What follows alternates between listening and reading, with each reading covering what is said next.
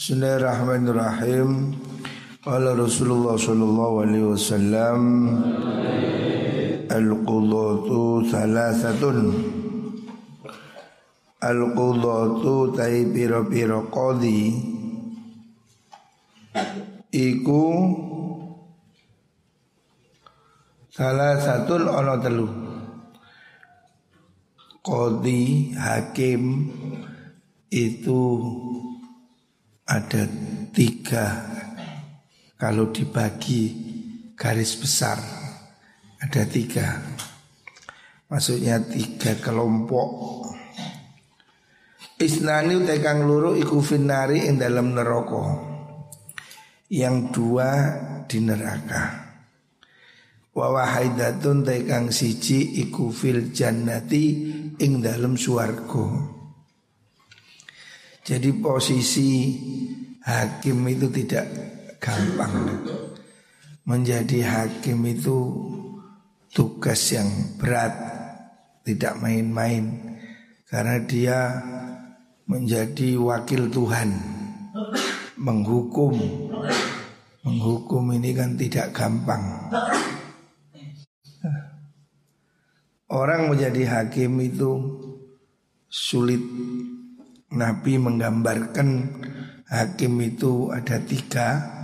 Yang dua di neraka yang satu di surga. Artinya mayoritas dua per tiga dari hakim ini keliru atau apa melakukan kesalahan yang fatal. Orang-orang yang tidak hati-hati. Fawahidun dari siji fin jannati dalam suarga rupane rojulun wong lanang. Alima kang ngerti sapa rojul al haqqo ing perkara kang bener. Hakim yang masuk surga itu hakim yang mengerti kebenaran ya. Menghukum sesuai dengan keadilan Fakoda mongko ngukumi sapa rajul ngukumi bihi kelan mengkuno hak orang yang menghukumi secara benar. Tidak. Berat sebelah. Fahuwa utaiman iku fil jannati dalam suarko Orang yang menjadi hakim dengan penuh kejujuran, kebenaran Orang itu masuk surga Warajulun dan wong lanang kondo kang ngukumi sapa rajul nasi maring menungso ala jahlin ing atase sifat bodoh hakim yang bodoh ndak ngerti aturan fahuwa utawi hakim iku finari ing dalam neraka. Warajulun lan wong lanang arafa kang ngawuri sapa rajul al haqqa ingkang beneran kebenaran fajara nuli lacut nyeleweng sapa rajul fil hukmi ing dalam hukumi fahuwa rajul iku finari ing dalam neraka jadi Rasulullah Shallallahu Alaihi Wasallam mengingatkan posisi hakim itu mengkhawatirkan. Artinya jangan main-main. Kalau ada orang mengambil posisi sebagai hakim akan melalui pendaftaran, pengangkatan, Jangan sekali-kali menyeleweng atau menghukum dengan cara yang tidak benar. Sebab dua dari tiga hakim itu masuk neraka. Artinya sulit berdiri pada kaki yang lurus, tidak condong kanan, tidak condong kiri. Jadi keadilan itu misi Tuhan, misi agama. Makanya orang menjadi hakim itu dia menjadi sangat posisi yang sangat penting ya. Sebab dia bisa menghukum. Mestinya yang bisa menghukum itu hanya Gusti Allah. Nah, hakim ini menjalankan fungsi menghukum. Wah ini kan kuasa Tuhan ini. Makanya jangan sembrono. Hakim ini posisinya menakutkan. Banyak ulama dulu tidak mau jadi hakim walaupun alim. Karena dia takut Nabi mewarning dua dari tiga hakim itu masuk neraka. Artinya tidak gampang menjadi hakim yang baik, tidak gampang. Tetapi bukan berarti tidak ada. Pasti ada hakim yang menggunakan hati nurani. Tetapi itu sungguh tidak mudah. Rawahul Hakim. Selanjutnya kan Allah walam yakun syai'un ghairuh. Rasul bersabda karena wujud sinten Allahu Gusti Allah. Allah itu sudah ada. Walam yakun dan ora ono apa syai'un suci wiji ghairahu kang sakliyane Allah. Ghairuhu kang sakliyane Allah. Allah itu ada sebelum yang lain ada. Wa kana lan ono apa arsyuhu arase Allah iku alal ma'i ing banyu singgah sana aras. Tapi kita tidak bisa bayangkan seperti apa itu. Wa kada nulis sop Allah fi dzikri ing dalam kitab maksudnya kepastian Allah itu sudah ada. Wa khalaqalan dadi akan Allah as-samawati ing piro-piro langit wal ardi wal ardolan ing bumi ya. Allah sudah menciptakan langit bumi dan Allah sudah menentukan segala sesuatu di lauh mahfuz.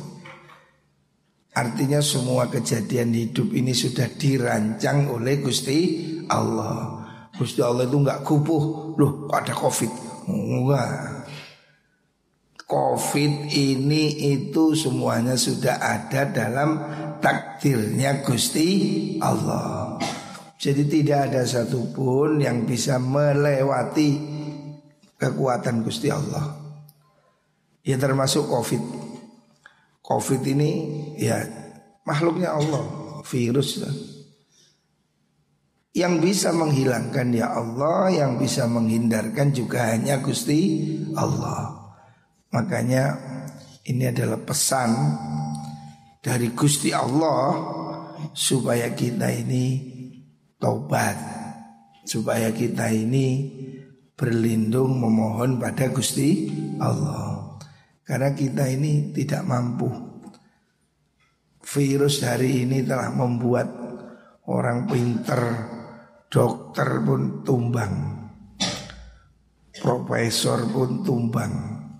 Artinya nggak ono pinter wong rek. Surabaya ada berapa profesor, dokter, tumbang, artinya gugur dengan covid ini. Tidak ada pinternya orang. Secara akal profesor ini kan sudah menguasai semua teknis, tapi juga tumbang. Makanya tidak ada yang bisa melindungi kita kecuali Gusti Allah. Itu sudah ada, takdir Allah sudah ada. Corona ini tidak mungkin terjadi di luar pengetahuan Gusti Allah. Kita yakin semua wala radbin wala yabisin illa fi kitab. Semuanya sudah ada catatan. Allah memberikan ini sebagai ujian ya. Cara satu-satunya Kembalilah pada Gusti Allah. Mohonlah pada Allah Yang memberi sehat dan sembuh Hanya Gusti Allah. Manusia tidak bisa. Buktinya Korban covid ini Orang kaya Dokter Dan segala profesi. Seandainya ini bisa diatasi oleh manusia Pasti yang kaya-kaya itu nggak jadi korban dia bisa bayar obat yang paling top. Nah, tapi nyatanya saya punya beberapa kenalan konglomerat meninggal juga. Ya. Jadi kurbannya itu saya lihat yang banyak malah orang kaya-kaya itu. Orang yang hidupnya pakai AC, selalu dingin, nah, itu malah virusnya berkembang. Tapi wong macul-macul, termasuk wong gendeng gak ono sing kena virus. Us kebal. Jadi tubuhnya lebih kuat. Makanya santri ojo turuan. Isu metu ke halaman ngono, bal-balan, caring ya berusaha kita bergerak dapat panas ya supaya tubuh kita kuat ya. Coknya kungkur saya. Hmm. Ini penting jaga kesehatan ya. Rawal Bukhari. Selanjutnya kaburat agung. Apa nih? Khianatan, khianati. Sungguh orang itu sangat berkhianat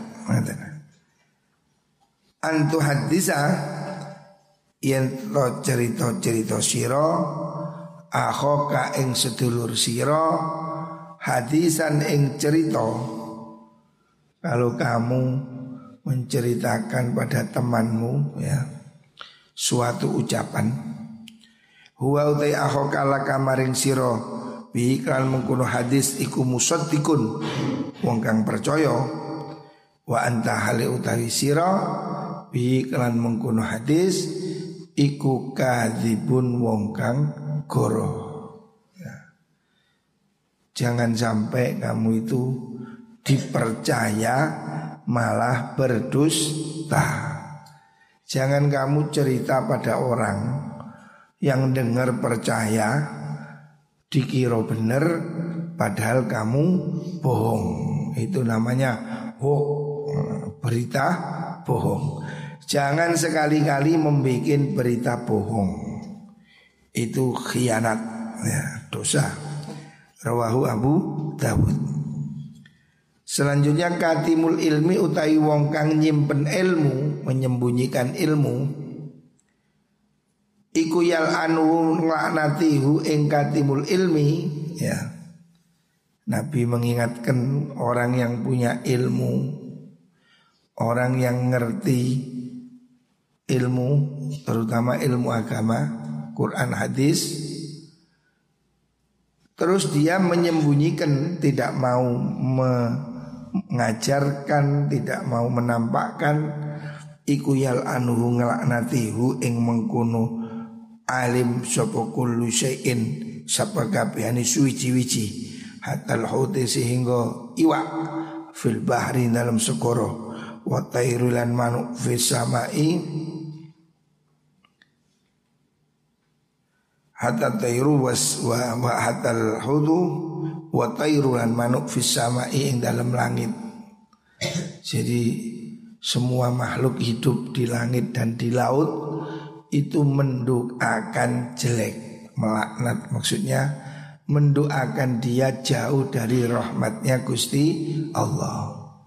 Sebab Allah itu memberi ilmu kepada orang alim itu supaya dia mau mengamalkan dan meng, apa, mengajarkan pada orang-orang yang bodoh. Kalau dia pelit, wis mari mondok, wis ngerti ngaji, gak gelem mulang, berarti dia bakhil. Berarti dia pelit ya. Jadi dia itu pelit, nggak mau apa, nggak mau ngajar atau komersil wani biro. Diundang wani biro. Kongon mulang wani biro. Nah, yang seperti ini hati-hati. Orang yang mengkomersilkan ilmunya nggak mau ngajar kecuali minta upah atau dia memang tidak mau sembunyi ini dilaknat oleh seluruh makhluk di langit dan di bumi. bila. Makanya saya minta semua santri kamu kalau pulang ngajar minim mengajar di rumahmu, adikmu, ponaanmu, dulurmu ya. Atau kamu ngajar di madrasah, di pondok, di mana pun. Jadilah guru Karena guru itu profesi mulia. Guru itu tugas kenabian. Jangan materialis ya. Rezeki diparingi Gusti Allah. Coba khawatir.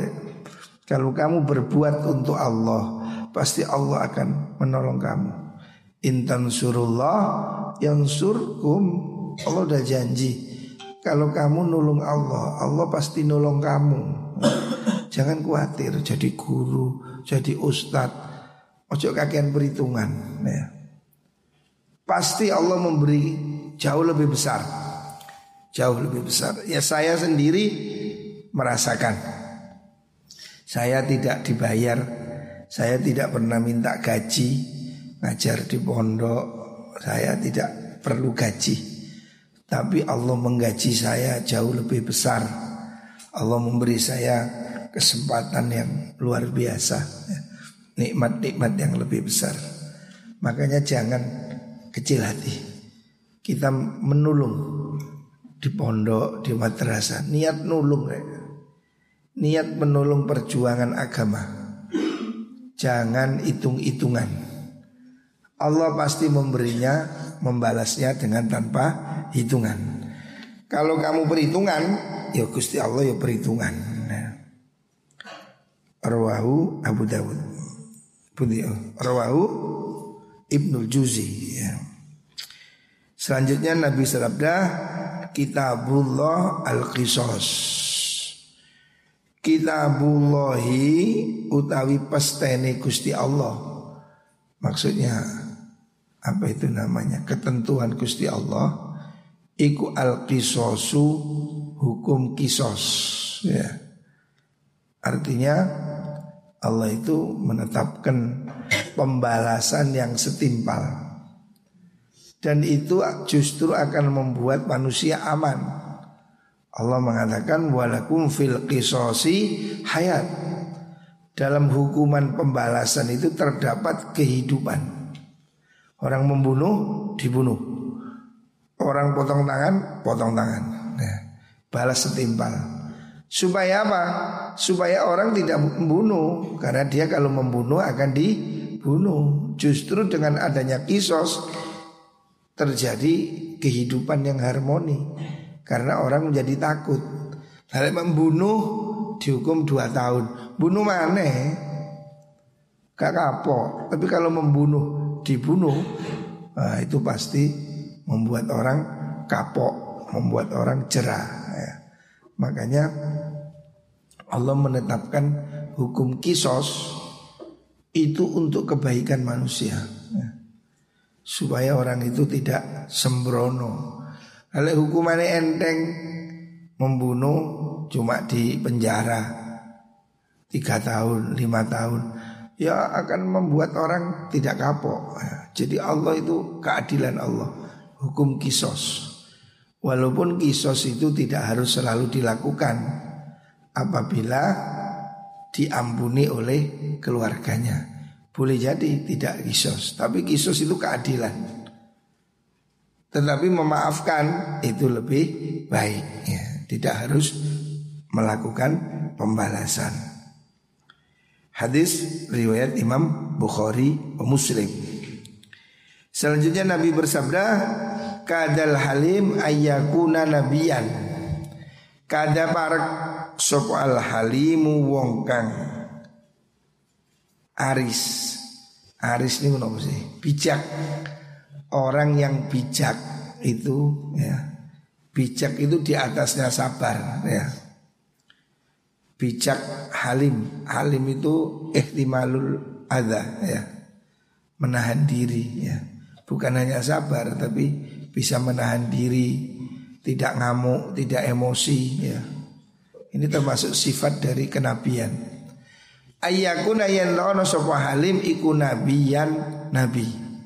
Orang yang bijak, orang yang pemaaf itu hampir atau mendekati derajat kenabian. Karena itu salah satu ciri kenabian ya. Kau no nabi ngamuan kau no Nabi itu mempunyai sifat halim, bijak ya. Halim itu di atasnya sabar. Jadi bukan hanya memaafkan, tetapi bisa menahan diri untuk tidak marah. Ya. Itu derajat yang tinggi, derajat yang hampir mendekati derajat kenabian. Maksudnya tinggi sekali nilainya. Kalau kamu menjadi orang yang pemaaf, tidak ngamuan, tidak emosian ya itu cara yang baik ya. Apalagi menjadi tokoh ya. Menjadi pimpinan. Jangan punya sifat emosian. Hendaknya bisa menahan diri ya. Kadal halim ayakuna nabiyan. Itu derajatnya derajat kenabian. Rawal Khatib An Anas. Selanjutnya Nabi bersabda, "Kana nasu ya'uduna Daud." Yadhunun annahu annabihi maradan wa ma bi illa siddatul khauf min Allah. Karena ono sop annasu menungso iku yauduna podo nyambangi. Nyambangi itu maksudnya menjenguk Dawuda ing Nabi Dawud. Orang dahulu zaman Nabi Dawud menjenguk menengok Nabi Dawud.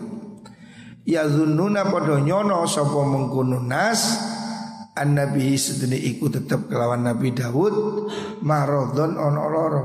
Mereka mengira Nabi Dawud sakit. Wa ma bihilan orano iku tetap kelawan Nabi Dawud apa syai'un suci-wici illa siddatul khaufi angin banget wedi minallahi saking Gusti Allah. Artinya Nabi Dawud itu orang yang sangat takut pada Allah sehingga beliau itu terlihat seperti pucat. Nah, terlihat seperti pucat. Sehingga dia dijenguk dijenguk oleh orang-orang. Dikira beliau sakit. Padahal dia tidak sakit. Nabi Daud tidak sakit. Tapi memang penampilannya seperti itu. Penampilannya selalu menunjukkan dia itu takut ya. Seperti orang ketakutan ya. Karena dia mengenal betul kepada Gusti Allah.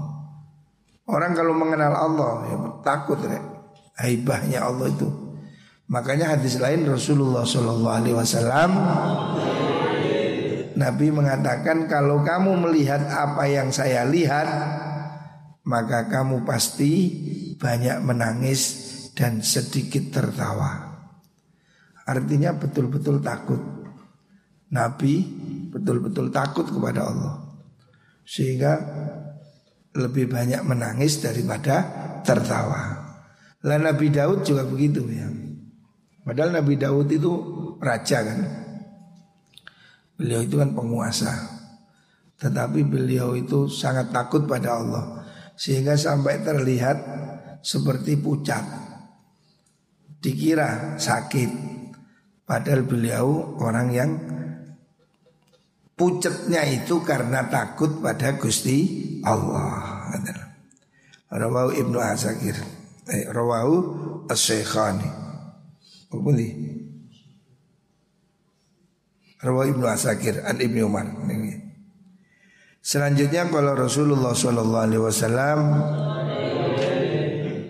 karena ono sapa rajul nung lanang iku yudayi ngutangi sapa rajul anasa ing menungso Fagana mengkono sapa rajul iku yaqulu ngucap sapa rajul li fatahu maring